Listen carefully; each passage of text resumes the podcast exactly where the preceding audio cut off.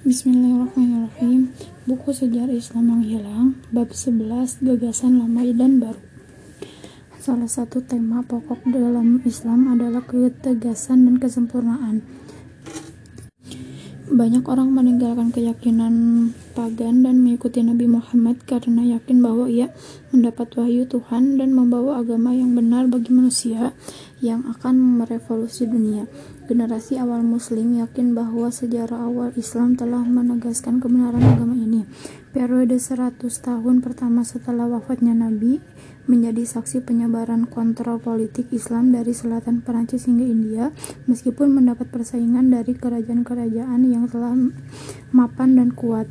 Saat ekspansi militer berakhir, umat muslim memimpin dunia dalam memajukan ilmu pengetahuan ke batas-batas baru dengan mengetahui mem memengaruhi uh, sejarah ilmu pengetahuan di seluruh dunia yang telah dikenal. Kemudian akibat perang salib dan invasi Mongol terbukti hanya menjadi duri kecil dalam sejarah Islam karena kemudian diikuti dengan kebangkitan kerajaan yang lebih kuat. Bagi banyak umat muslim, bukti kebenaran Islam adalah catatan sejarah dan sifatnya yang menakjubkan. Akan tetapi, kemudian kemunduran uh, peradaban Islam yang pe dan penaklukan oleh Eropa bisa menjadi salah masalah teologis jika umat Islam memang mengikuti agama yang benar dan sejarahnya membuktikan demikian, lalu apa yang menyebabkan terjadinya kemenangan terakhir Eropa di atas dunia Islam? Sepanjang abad ke-18 hingga ke-20, para cendekiawan muslim akan menjawab pertanyaan itu dengan mencoba menghidupkan Islam kembali untuk mengembalikan masa kejayaan yang telah memperkokoh keimanan banyak generasi Tak peduli di mana pun berada, para cendekiawan ini memiliki kesamaan ide kembali pada ajaran Islam itu penting demi kebangkitan Islam. Jika saja umat muslim benar-benar menjalankan Islam seperti generasi awal, Allah akan memberikan imbalan berupa keberhasilan. Di sisi lain muncul muncul kelompok cendekiawan baru yang tak sependapat dengan pandangan tradisionalis tersebut. Intelektual yang mempengaruhi, dipengaruhi gagasan modern Eropa seperti sekularisme dan nasionalisme berpendapat umat Islam harus meniru Barat. Eropa telah meninggalkan abad ke-8 dan menjadi penakluk dunia sehingga mereka pasti telah melakukan hal yang tepat demikian pola pikirnya. Dalam bayangan mereka, dunia Islam jauh tertinggal karena hanya memusatkan perhatian pada agama dan upaya mengembalikan kejayaan sejarah Islam awal, alih-alih memodernisasi diri dengan gagasan dan filsafat baru.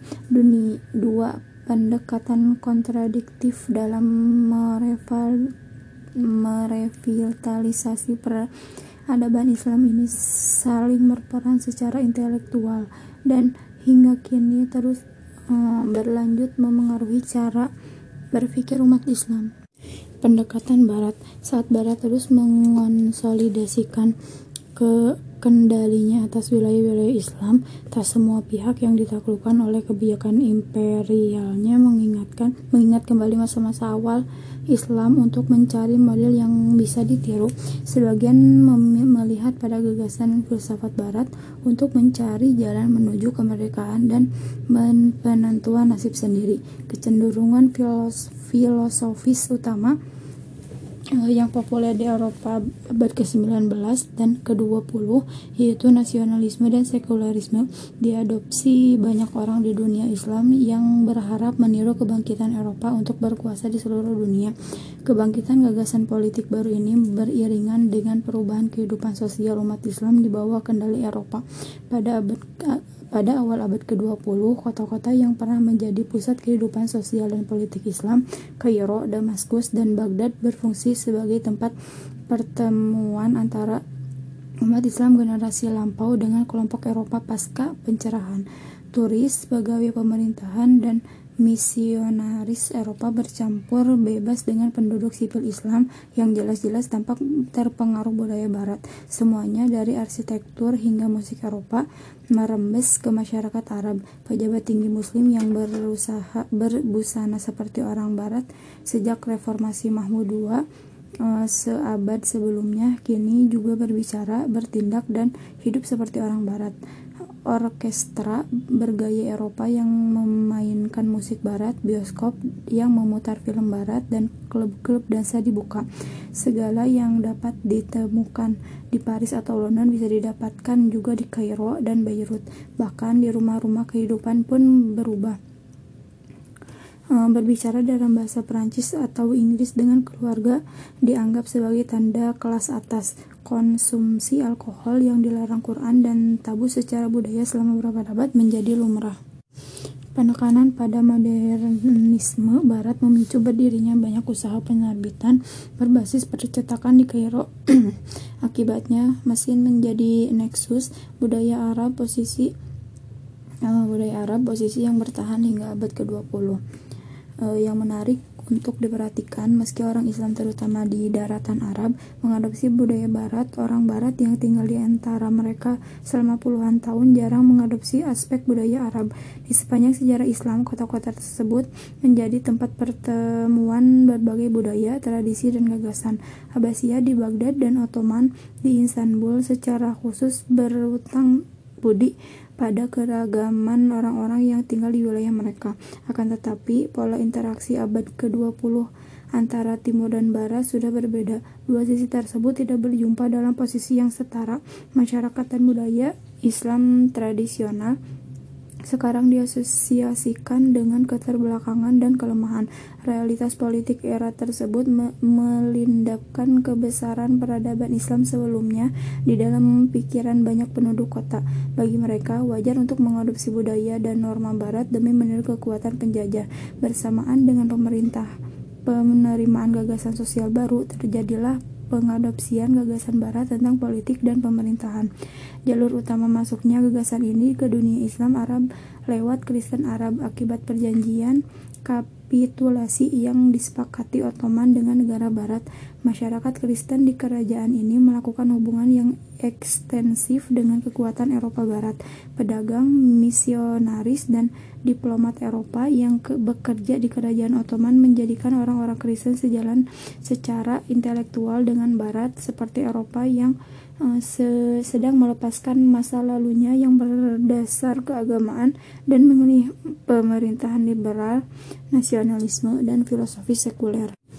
Hal ini dibarengi dengan kebangkitan sejarah intelektual dan sastra Arab seperti pemikir Arab terutama di Beirut dan Kairo. Mereka mempergunakan hasrat masyarakat Arab untuk meraih kebersama kebesaran masa lalu pada zaman Umayyah dan Abbasiyah yang telah memimpin dunia dalam segala hal, dari ekspansi militer hingga pertemuan ilmiah. Dimensi religius kejayaan masa lalu tersebut dikecilkan untuk mendukung bahasa dan identitas Arab. Dalam pandangan para pemimpin kebangkitan Arab, jika bangsa Arab ingin menegakkan kembali masa kejayaannya, mereka perlu bersatu sebagai bangsa, sebagai bangsa Arab, bukan Muslim. Selain itu, bagi orang Arab Kristen yang memimpin pergerakan ini pada abad ke-19 dan ke-20, cara tersebut akan meninggikan kelas sosialnya sebab e, tak ada lagi perbedaan antara Islam dan Kristen.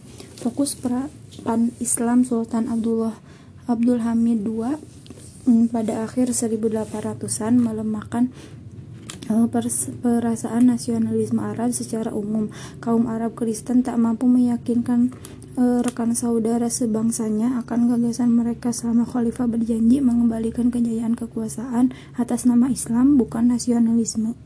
Saat Abdul Hamid digulingkan, digulingkan pada 1909, pemerintahan Ottoman jatuh ke tangan Turki muda dengan titik fokus nasionalisme sekulernya. Seiring pudarnya Islam Abdul Hamid dan mengudatnya dukungan terhadap nasionalisme Turki, garis pemisah antara Turki dan Arab menjadi sangat jelas di kalangan warga kerajaan Ottoman.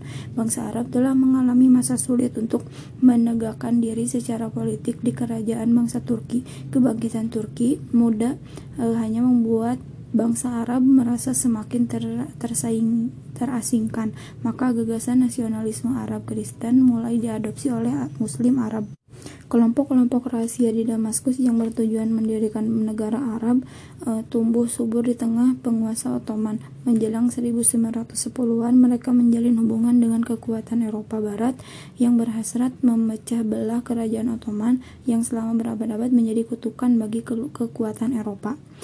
Revivalis tradisional, usaha pertama untuk membangkitkan Islam tradisional dilakukan Muhammad bin Abdul Wahab berasal dari sebuah suku di gurun pasir Jazirah Arab ia mungkin menjalani gaya hidup bangsa Arab yang tak jauh berbeda dari masa Nabi 1100 tahun lalu ia menganut tradisi Hanbali dari Ahmad bin Hanbal dan Ibnu Taimiyah yang menekankan keunggulan tradisi kenabian yang autentik di atas segalanya.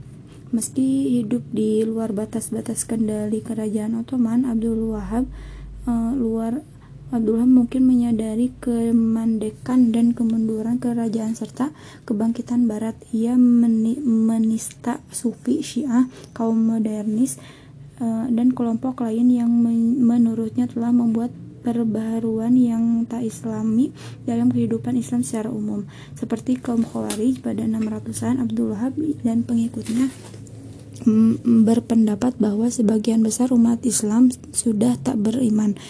Untuk menyelamatkannya, mereka semua harus kembali ke bentuk Islam yang murni, serupa dengan yang dijalankan generasi awal Islam, kaum salaf.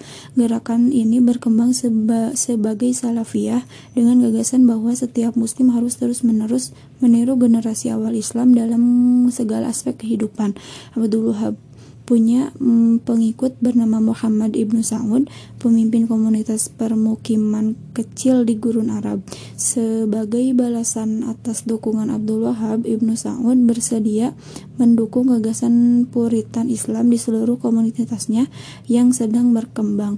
Perjanjian ini terus berlaku setelah mereka berdua meninggal karena keturunan Abdul Wahab memberikan legitimasi religius dan keturunan Ibnu Saud memberikan kekuatan politik di negara Arab. Gerakan Salafi mungkin takkan mem memberikan pengaruh besar di luar gurun Arab jika saja negara Arab tak tumbuh begitu cepat. Menjelang awal 1800-an, Saudi mampu menaklukkan sebagian besar tanah Jazirah Arab termasuk Mekah dan Madinah. Meskipun diusir dari kota suci tidak kurang dari 20 tahun kemudian, kontrol Saudi atas tempat tujuan haji ke mem memungkinkan mereka menyebarkan gagasan kepada para jemaah jemaah haji dan seluruh dunia butuh waktu berabad-abad untuk mewujudkan gerakan Abdul Wahab yang bertahan pada 1900-an dengan berdirinya Arab Saudi modern. Meski hanya sedikit yang mengadopsi gerakan Salafi, gagasan kebangkitan berdasarkan generasi awal Islam sangat memengaruhi para pemikir muslim di seluruh dunia, terutama mengingat gelombang kedatangan barat jauh ke timur di India yang tak stabil dan terpecah belah sepeninggal Aurangzeb, tokoh reformasi lain berusaha mengembalikan Islam tradisional dalam masyarakat yang sedang berubah. Uh, Waliullah adalah ulama yang khawatir bahwa perpecahan umat Islam India akan dibarengi dengan kebangkitan penduduk Hindu sehingga menyebabkan kerusakan masyarakat tradisional. Dia berfokus pada aspek sosial syariah dan arti pentingnya dalam mencegah keturunan total Islam di anak benua tersebut. Sebagai cendekiawan yang melek sejarah, ia menyadari jika Mughal India terus bergejolak dalam perpecahan dan perang saudara, kekuatan pihak lain akan bangkit. Mirip Abdul Wahab, ia mendukung kebangkitan tradisi Islam, tetapi tak seperti rekan sezamannya, ia tidak menyerukan uh, untuk melawan semua orang Islam yang tak sepakat dengannya. Lagi pula, umat Islam merupakan minoritas di India dan perpecahan di kalangan mereka dapat menghancurkan diri sendiri seperti terjadi di Andalusia 200 tahun lalu. Ia lebih menganjurkan persatuan yang luas, menggabungkan berdi, berbagai tradisi etnis dan gagasan di bawah bendera Islam untuk paling tidak Eh, memperlambat kemunduran kekuatan politik Islam. Meskipun Mughal memang jatuh pada abad berikutnya, filsafat sosial berorientasi Islam yang dicetuskan Nusa Waliuddin memainkan peran besar di anak benua India. Biasanya ini ditempatkan sebagai oposisi terhadap westernisasi yang semakin meningkat di kalangan atas India dan kebangkitan kekuatan politik Hindu. Tak semua pembaharu menentang total seluruh gagasan Barat. Bahkan sebagian berusaha menyatukan hal-hal yang dianggap bermanfaat dari uh, Barat dengan Islam tradisional selama masa pendudukan Inggris uh, pada akhir 1800-an dan awal 1900-an Mesir berada di garis depan pertemuan antara tradisi Islam dan imperial imperialisme Barat. Universitas Universitas Al-Azhar di Kairo telah menjadi salah satu pusat pemikiran Islam utama sejak diubah menjadi sekolah Sunni oleh Salahuddin pada abad ke-12. Tetapi tempat ini tak lagi didominasi intelektual Mesir. Pengaruh Eropa semakin meningkat, baik secara politik maupun sosial di kalangan masyarakat Mesir, terutama akibat reformasi oleh Mehmet Ali dan keturunannya. Seorang guru sekolah Mesir, Hasan Albana, berusaha memadukan modernisme barat dengan nilai Islam tradisional. Ikhwanul Muslimin, organisasi yang didirikannya, berusaha menyatukan nasionalisme Arab dengan nilai-nilai dan aktivitas sosial Islami. Sekolah, rumah sakit, dan organisasi kesejahteraan sosial didirikan oleh Ikhwanul Muslimin dalam upaya menjangkau seluruh kalangan masyarakat Mesir dan mendorong mereka mengubah gaya hidup agar sesuai dengan Islam. Pengetahuan dan gagasan or organisasi barat diadopsi oleh Ikhwanul Muslimin, tetapi gagasan sekularisme tidak. Pendekatan kelas menengah terbukti sangat populer di kalangan bangsa Mesir, tetapi kebangkitan nasionalisme sekuler e, keras di dunia Arab dan Mesir nantinya akan menindas Ikhwanul Muslimin selama berpuluh tahun. E, the, the partition, sekat, pembagian, penyekatan. Pada akhirnya bukan nasionalisme Arab atau Turki yang akan memimpin tatanan politik baru di Timur Tengah. Pada 1914, Arduk Franz Ferdinand dan dari Australia Hungaria dibunuh di Sarajevo dan Eropa terjun bebas dalam Perang Dunia Pertama. Pemerintah Ottoman yang dipimpin tiga tokoh Turki muda berpengaruh uh, dikenal sebagai tiga pasa ikut serta dalam perang di pihak Jerman melawan Inggris, Prancis, dan Rusia.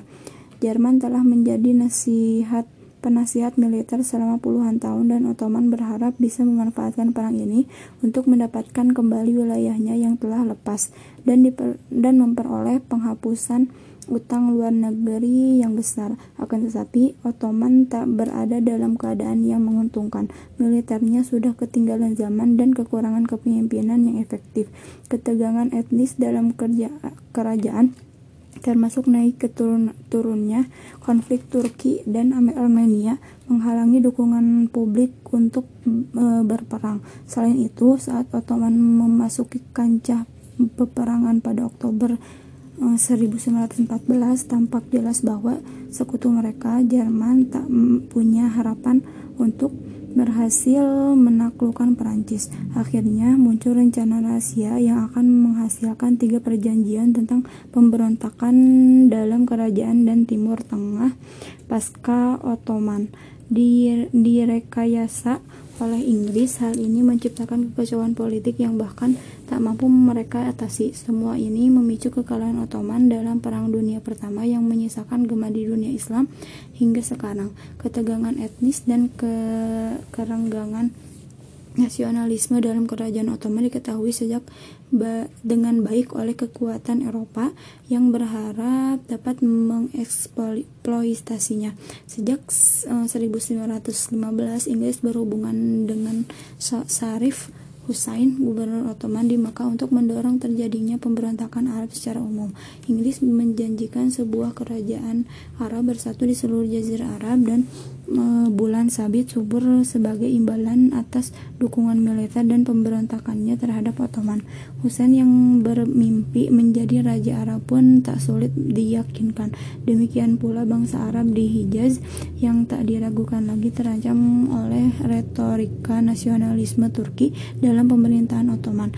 Ditolong oleh senjata dan emas Inggris, Sarif Hussein memimpin revolusi Arab dan menyapu sisi barat jazirah, merebut kota-kota seperti Madinah, Aman, dan Damaskus dari Ottoman secara memungkinkan Inggris mempertahankan Mesir dan menaklukkan Yerusalem. Saat itulah untuk kali pertama sejak Perang Salib Yerusalem jatuh ke tangan non-muslim.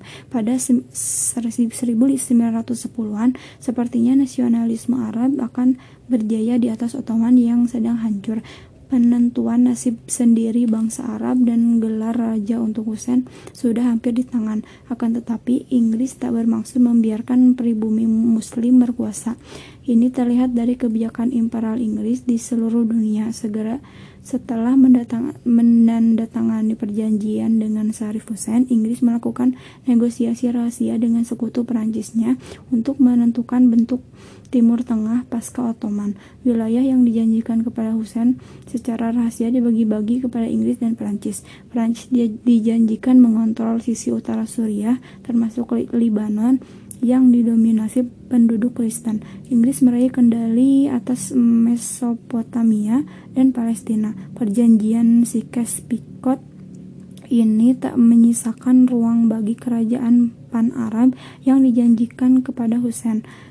Uh, lagi pula, bangsa Arab tak punya kekuatan untuk menuntut negara-negara Eropa Barat yang kuat, terutama negara yang biasanya dikenal suka ingkar janji. Perjanjian yang berlawanan ini tak berhenti di, di sini.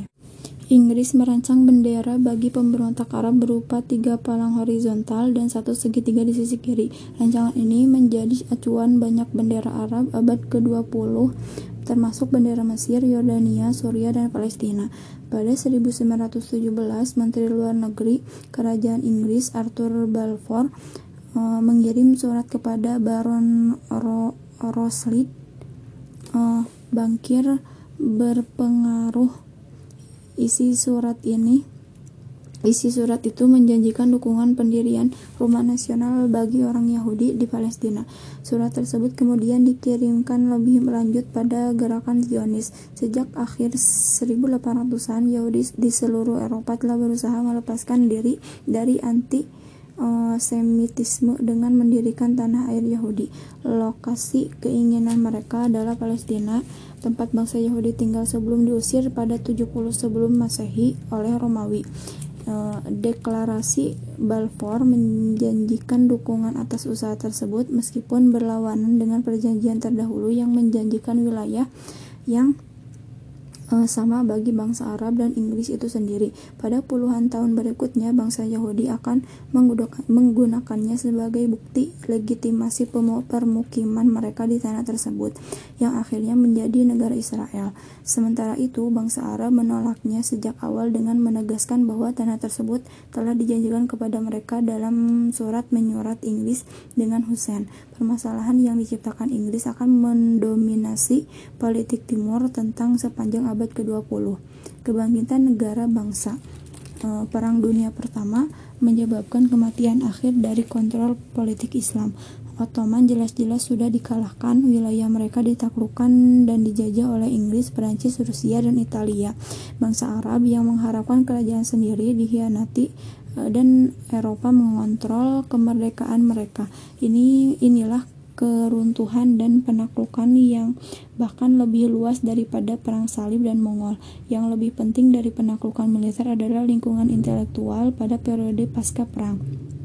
Kebangkitan nasionalisme Arab dan Turki disertai batas acak yang ditarik oleh Eropa memicu bangkitnya negara-negara di seluruh dunia Islam. Konsep nasionalisme Eropa yang dipaksakan kepada masyarakat yang sepenuhnya asing terhadap gagasan ini di Madinah, Nabi Muhammad mengajarkan kesatuan umat Islam tanpa memedulikan identitas bahasa ataupun etnis. Ia menyandingkan Muslim Mekah dengan Muslim Madinah sebagai saudara untuk mendorong persatuan. Para pengikutnya mengidentifikasi uh, diri sebagai muslim di atas segalanya selama berabad-abad. Sekarang dunia Islam terutama di Timur Tengah mulai mengidentifikasi diri menurut label baru berdasarkan kebangsaan. Saya bersyukur kepada Tuhan karena dengan menjauhi politik saya terhindar dari perilaku menurunkan derajat kebenaran Quran yang bak berlian menjadi potongan kaca hanya demi memanfaatkannya untuk tujuan politik. Saya Dustini, ulama Turki abad ke-20. Uh, eh, lompatan paling radikal menuju era negara bangsa baru ini terjadi di jantung Ottoman yang didominasi bangsa Turki setelah perang Ing Inggris, Perancis, Italia, dan Yunani menduduki Anatolia. Kesultanan Ottoman tetap berdiri, tetapi tanpa kekuasaan karena Istanbul dikontrol oleh kekuasaan sekutu. Untuk melawan penduduk pasukan asing, Mustafa Kemal, perwira tentara Ottoman, mengumpulkan rekan-rekan sebangsanya yang terjun dalam Perang Dunia Pertama. Ia mampu mengusir penjajah pada antara 1919 dan 1922. Pada akhir Perang Kemerdekaan, Mustafa Kemal mengumumkan pembentukan negara baru, Turki, untuk menggantikan kerajaan Ottoman. Kesultanan Ottoman dihapuskan pada 623 tahun setelah Osman mendirikannya di sepanjang perbatasan kerajaan Bizantium. Di negara baru Turki, Kemal uh, berharap bisa mendirikan negara bangsa sekuler, berpikiran barat, dan terbebas dari masa lalu Ottoman yang ditandai dengan kelemahan, korupsi, dan penaklukan. Kemal sebagai pemimpin perang kemerdekaan dan pendiri Turki mendapat panggilan akrab Ataturk yang berarti bapak bangsa Turki. Uh, bagi dia, Identitas Turki sangat penting lebih dari yang lain. Menurut dia, bangsa Turki adalah bangsa yang kuat bahkan sebelum masuk Islam. Sebaliknya, masuknya Islam pada 900-an dan e, percampuran antara Turki, Arab, Persia, dan bangsa lain telah memperlemah Turki. Maka dari itu, Turki baru harus menyingkirkan masa lalu Islam yang dalam anggapannya kotor. Salah satu tindakan pertamanya adalah menghapuskan kekhilafahan Turki yang dipegang Ottoman sejak 1517. Pada 1924, uh, khalifah terakhir Abdul Majid II dipaksa turun tahta dan diasingkan ke Eropa. Kemudian ia melarang hijab dan topi fez, menutup komunitas sufi secara resmi, menyatakan syariat yang tidak berlaku serta melarang azan diserukan dari menara masjid. Ataturk menegaskan Turki tak lagi terkait dengan dunia Islam. Ia juga mengadakan reformasi bahasa dengan menghapuskan penggunaan huruf Arab untuk menuliskan bahasa Turki yang sudah digunakan selama berabad-abad. Ia malah mengadopsi huruf Latin baik agar mudah digunakan maupun untuk menghubungkan dengan Eropa. Bahkan kosakata pun berubah. Kata-kata pinjaman dari bahasa Arab dan Persia dihapus uh, diganti dengan kosakata kuno Turki dari Asia Tengah. Reformasi bahasa pada 1920-an dan 1930-an benar-benar memisahkan Turki modern dari sejarah Islamnya. Tak ada lagi orang Turki yang bisa membaca prasasti kaligrafi di masjid kerajaan kuno atau membaca buku yang diterbitkan pada era Ottoman. Mereka juga tak lagi dengan mudah bepergian dan berbisnis dengan bangsa Arab atau Persia. Di Turki yang berfokus uh, ke barat ala Ataturk tak ada ruang untuk berhubungan dengan pihak berbasis Islam lain seperti yang menjadi ciri kerajaan Ottoman. Selain itu, kelompok etnis lain tidak diterima. Bangsa Yunani, Arab, Kurdi, dan Armenia yang berada di, di wilayah Turki ditindas semu, semua oleh pemerintah baru yang berusaha mendasarkan kekuatannya pada identitas Turki semata. Kelompok etnis non-Turki terancam dan tidak mendapatkan kemerdekaan yang sama seperti tetangga etnis Turkinya. Fokus Turki pada sekularisme dan nasionalisme bertahan selama puluhan tahun. Uh, setiap usaha mengambilkan is, mengamba, mengembalikan Islam dalam kehidupan masyarakat biasanya mendapat tantangan bahkan pukulan dari militer sepanjang abad ke-20. Di selatan, di wilayah bulan sabit subur yang didominasi bangsa Arab, Perang Dunia Pertama menyebabkan munculnya berbagai negara bentukan sekutu sebagai pemenang. Dalam usahanya memediasi tiga perjanjian yang telah dibuat, Inggris dan Prancis membagi-bagi wilayah tersebut dalam sejumlah mandat, umumnya sepanjang garis batas dalam perjanjian Sykes-Picot. Dari Ottoman, Suriah, dan, dan Mesopotamia, muncullah negara-negara baru Suriah, Irak, Libanon, Yordania, dan Palestina. Semuanya dengan batas-batas baru dan acak yang uh, ditarik sesuai keinginan kekuatan pemenang. Orang Yahudi diizinkan bermukim di daerah mandat Palestina sebagaimana dicantumkan dalam deklarasi Balfour yang mendapat perlawanan penuh dari penduduk yang sudah tinggal di sana. Sarif Hussein dan anak-anaknya mendapat daerah dominan dominion di negara baku baru Suriah, Yordania, dan Irak. Tetapi mereka hanya mampu bertahan di Yordania dalam jangka panjang. E, masalah dan konflik politik yang pecah akibat pembagian tanah Arab menjadi sejumlah negara secara sewenang-wenang oleh bangsa Eropa ini masih terasa hingga sekarang. Batas wilayah Irak ditarik sedemikian rupa hingga Sunni Arab, Sunni Kurdi, dan Syiah Arab masing-masing berjumlah sepertiga dari seluruh penduduknya, tanpa ada satu kelompok yang mendominasi sejarah abad kedua 20 diwarnai dengan konflik serta peperangan etnis dan agama. Situasi yang sama terjadi di Lebanon, se sebuah negeri tanpa batas-batas alami. Gagasan awal mayoritas Kristen yang diimpikan Perancis pada 1800-an tak pernah terwujud. Konflik agama di negara Mediterania kecil ini menghalangi periode panjang kedamaian dan stabilitas yang pernah dirasakan. Meskipun Beirut penting secara intelektual dan budaya uh, bagi dunia Arab, eksperimen Inggris uh, yang paling mendatangkan malapetaka adalah Palestina.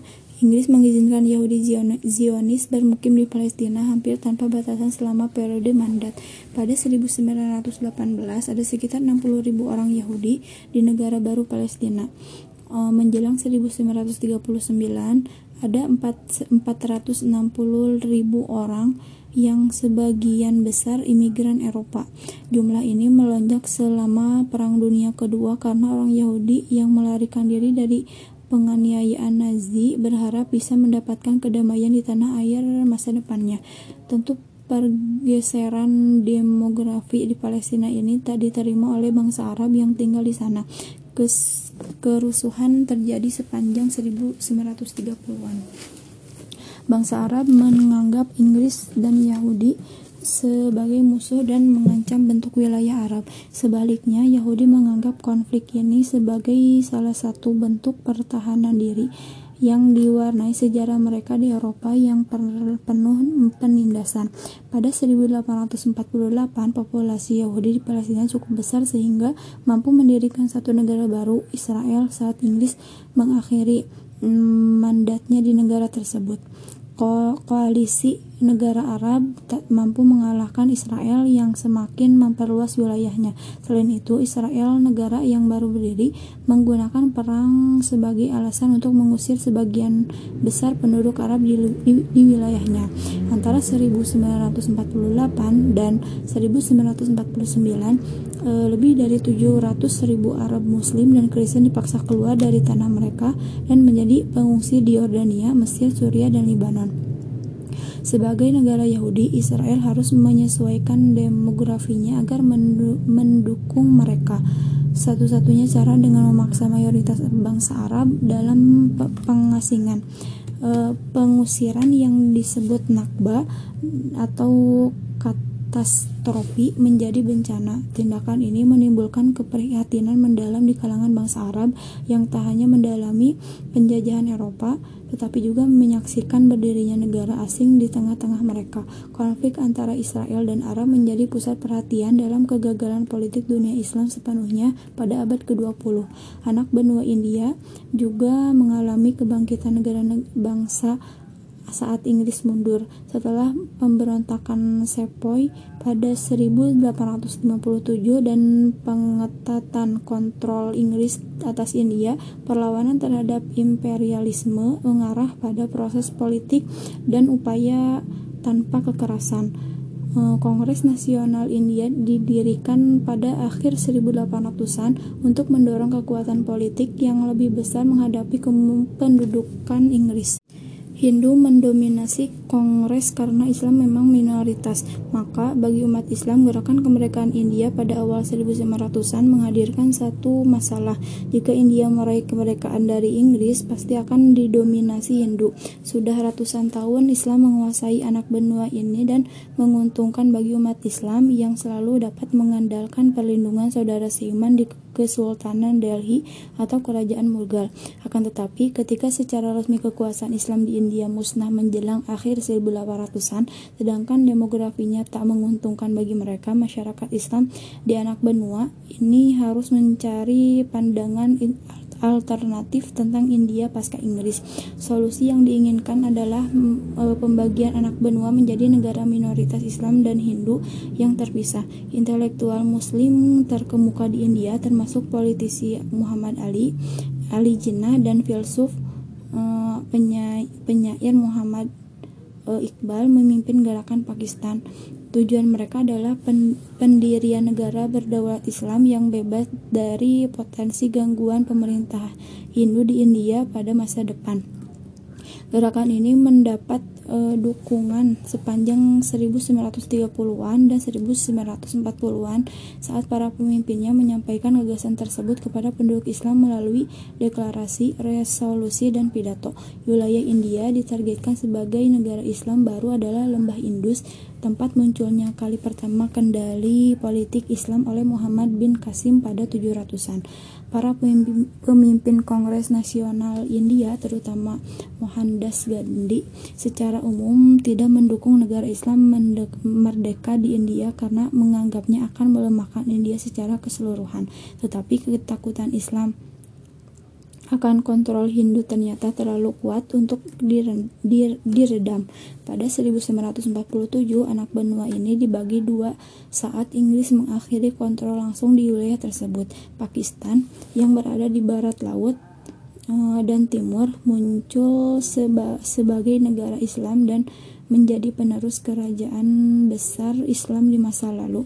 Umat Islam pun menjadi minoritas yang semakin sedikit di wilayah Republik India yang akhirnya dipimpin oleh Kongres Nasional India. Pakistan tak hanya menjadi negara Islam yang mendapatkan kemerdekaan pada tahun-tahun setelah Perang Dunia Kedua. Uniknya, negara ini menjadi salah satu dari sedikit negara yang dijadikan Islam sebagai dasar, bukannya warisan etnis atau kesetiaan terhadap keluarga raja. Setelah kemunduran peradaban Islam pada abad ke-18 dan diikuti pendudukan Eropa abad ke-19, abad ke-20 menjadi saksi kemerdekaan negara-negara Islam di seluruh dunia. Revolusi Mesir pada 1952 mengakhiri pendudukan Inggris yang uh, tegak sejak 1882 dan membawa negara itu di bawah kontrol militer Mesir.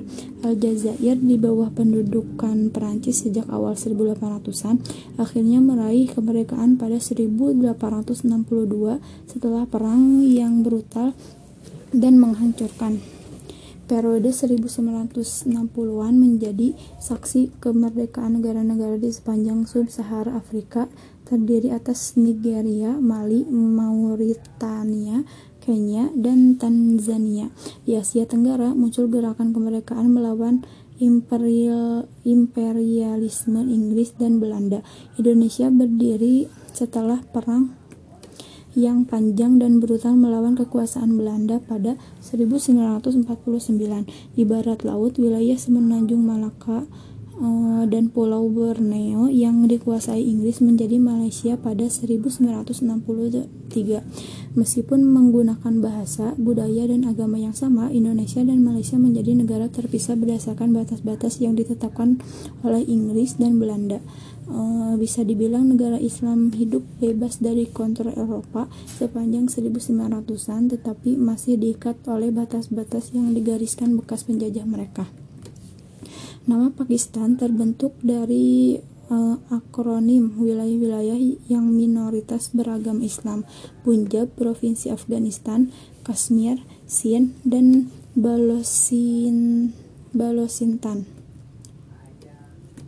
Islam dan sekularisme. Sepertinya pada titik ini dunia Islam sekali lagi telah mampu mengatasi kekuatan politik yang mengancam sifat sejarah Islam yang berulang menunjukkan bahwa setelah periode lemah uh, dan invasi kekuasaan Islam yang baru pe, uh, dan kuat akan bangkit mengembalikan kejayaan negara Islam lama. Setelah kebangkitan negara-negara Kristen di Andalusia, Murabitun dan Muwahidun bangkit pada abad ke-11 dan ke-12 untuk menyatukan e, Iberia dan Afrika Utara. Setelah invasi perang salib dan penerusnya, Mamluk menyatukan Mesir, Suriah, dan Hijaz. Invasi Mongol pada abad ke-13 menimbulkan kebangkitan Ottoman dan kejayaan tiga benua hingga di pintu depan Eropa Tengah. E, sekarang sepertinya pada abad ke-20 gelombang imperialisme Eropa akhirnya berhenti dan inilah saatnya bagi kekuasaan Islam dan yang baru dan mendominasi dunia. Uh, Fazul Khan, seorang muslim dari Bengali, merancang Sears Tower dan Chicago. Uh, ini menjadi gedung tertinggi di dunia saat diresmikan pada 1973. Kali ini kerajaan Islam tradisional takkan muncul. Puluhan negara muslim menghiasi peta dunia yang dipecah-pecah oleh batas acak sebagai warisan kolonial Eropa. Perpecahan ini terbukti fatal bagi dunia Islam. Di Timur Tengah, ketidakmampuan Mesir, Yordania, Suriah, dan Lebanon bersatu menyebabkan Israel yang didirikan oleh pemukim miskin uh, pelarian dari penindasan Eropa mampu mengalahkan uh, mereka secara militer dan menang dalam perang pada 1967 dan 1973. Di Asia Selatan, Pakistan Timur pecah menjadi Bangladesh pada 1971 sehingga memecah negara yang berpotensi menjadi penyeimbang kekuatan India. Di Afrika Barat, sekian banyak negara yang terpecah mengalami kesulitan ekonomi dan terus bergantung pada Perancis setelah kemerdekaannya. Tanpa persatuan, kekuatan politik dunia Islam relatif tak akan berubah setelah kemerdekaan. Negara-negara kecil yang saling bersaing sisa periode Taifa Andalusia dan desentralisasi kerajaan Abbasiyah tak mampu menciptakan dunia Islam yang kuat. Bagian terbesar kegagalan tersebut adalah penggeseran ideologi yang tegas dalam politik Islam. Dalam sepanjang sejarah Islam, negara baru telah mendasarkan dirinya pada aturan Islam itu sendiri. Bahkan dalam kerajaan yang tindakannya dapat dianggap melanggar hukum Islam, keutamaan Islam itu sendiri menjadi kekuatan pemersatu yang ter terberikan. Akan tetapi pada abad ke-20 berbagai negara Islam yang baru merdeka tidak melihat kejayaan masa lalu dan berusaha menciptakannya kembali. Malahan mereka hampir selalu memiliki pandangan sekuler dan nasionalis. Konsep ini benar-benar asing bagi dunia Islam pada 1200 tahun pertama. Akan tetapi melalui imperialisme Eropa, gagasan ini ditanamkan dalam pikiran masyarakat kelas atas Islam yang akhirnya memimpin pemerintahan setelah mereka. Formula pencerahan dari Eropa serta pengabaian agama dan pemerintahan tradisional kemudian diadopsi oleh sebagian kalangan di hampir setiap negara Islam. Contoh yang paling ekstrim adalah Turki, yang secara resmi menganggap syariah melanggar hukum, eh, menghapuskan kekhalifahan dan memper memproklamasikan diri sebagai negara sekuler sepenuhnya. Dengan dipimpin Mesir, dunia Arab mengadopsi sosialisme dan nasionalisme sebagai sarana menciptakan negara-negara yang kuat. Meskipun pada dasarnya negara Syiah, Iran dipimpin pemerintahan sekuler yang sejalan dengan Barat hingga 1979. Tentu saja ada pengecualian yang paling menonjol Arab Saudi. Negara Saudi berbentuk monarki absolut mirip negara suku Arab berabad yang lalu. uh, ada Arab Saudi mendapat legitimasi kekuasaan melalui ideologi Salafi dari Muhammad bin Abdul Wahab. Tetapi secara keseluruhan negara-negara Islam meninggalkan gagasan politik Islam dan memilih ideologi sekuler yang dipromosikan Barat. Dunia Islam harus benar-benar menyatukan masa lalu dan berorientasi Islam dengan masa kekinian yang didominasi paham sekuler. Saat ini ada hukum tradisionalis yang menuntut dunia Islam kembali ke masa-masa ketika Islam dan politik saling berjalin kelindan. Uh, kelompok yang paling ekstrim dari kalangan ini dengan penuh ancaman menyokong kembalinya kekuasaan Islam, sedangkan yang lain mengambil jalan yang lebih moderat. Mereka meyakini bahwa pendidikan, pembenahan struktur politik yang ada, dan pelayanan masyarakat yang baik akan dapat mempercepat kembalinya Islam politik. Di sisi spektrum uh, yang berlawanan, ada ada mereka yang berpendapat bahwa masa-masa Islam memainkan peran politik sudah berakhir. Mereka menganjurkan per, pemutusan tradisi untuk mendukung gagasan baru yang sebagian besar berasal dari barat tentang pemerintahan masyarakat dan politik. Amerika perlu memahami Islam karena inilah agama yang menghapuskan masalah ras dalam masyarakat. Malcolm 10 Pandangan masyarakat Islam tentang peran Islam masa kini tetap terpecah. Yang terbaru, peristiwa musim semi Arab dan pergolakan di Mesir, Tunisia, dan Suriah makin memperjelas ketidakcocokan kedua pihak yang bersaing ini.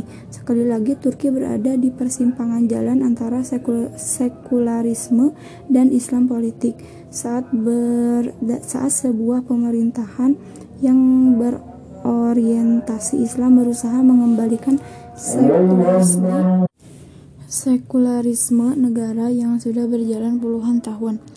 E, dikotomi ini ada ada di seluruh dunia Islam.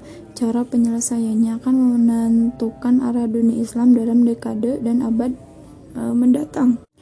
Apakah Islam sekali lagi akan memainkan peran penting? Apakah nasionalisme dan sekularisme menjadi ideologi penggerak baru ataukah akan ditemukan keseimbangan antara dua belah pihak?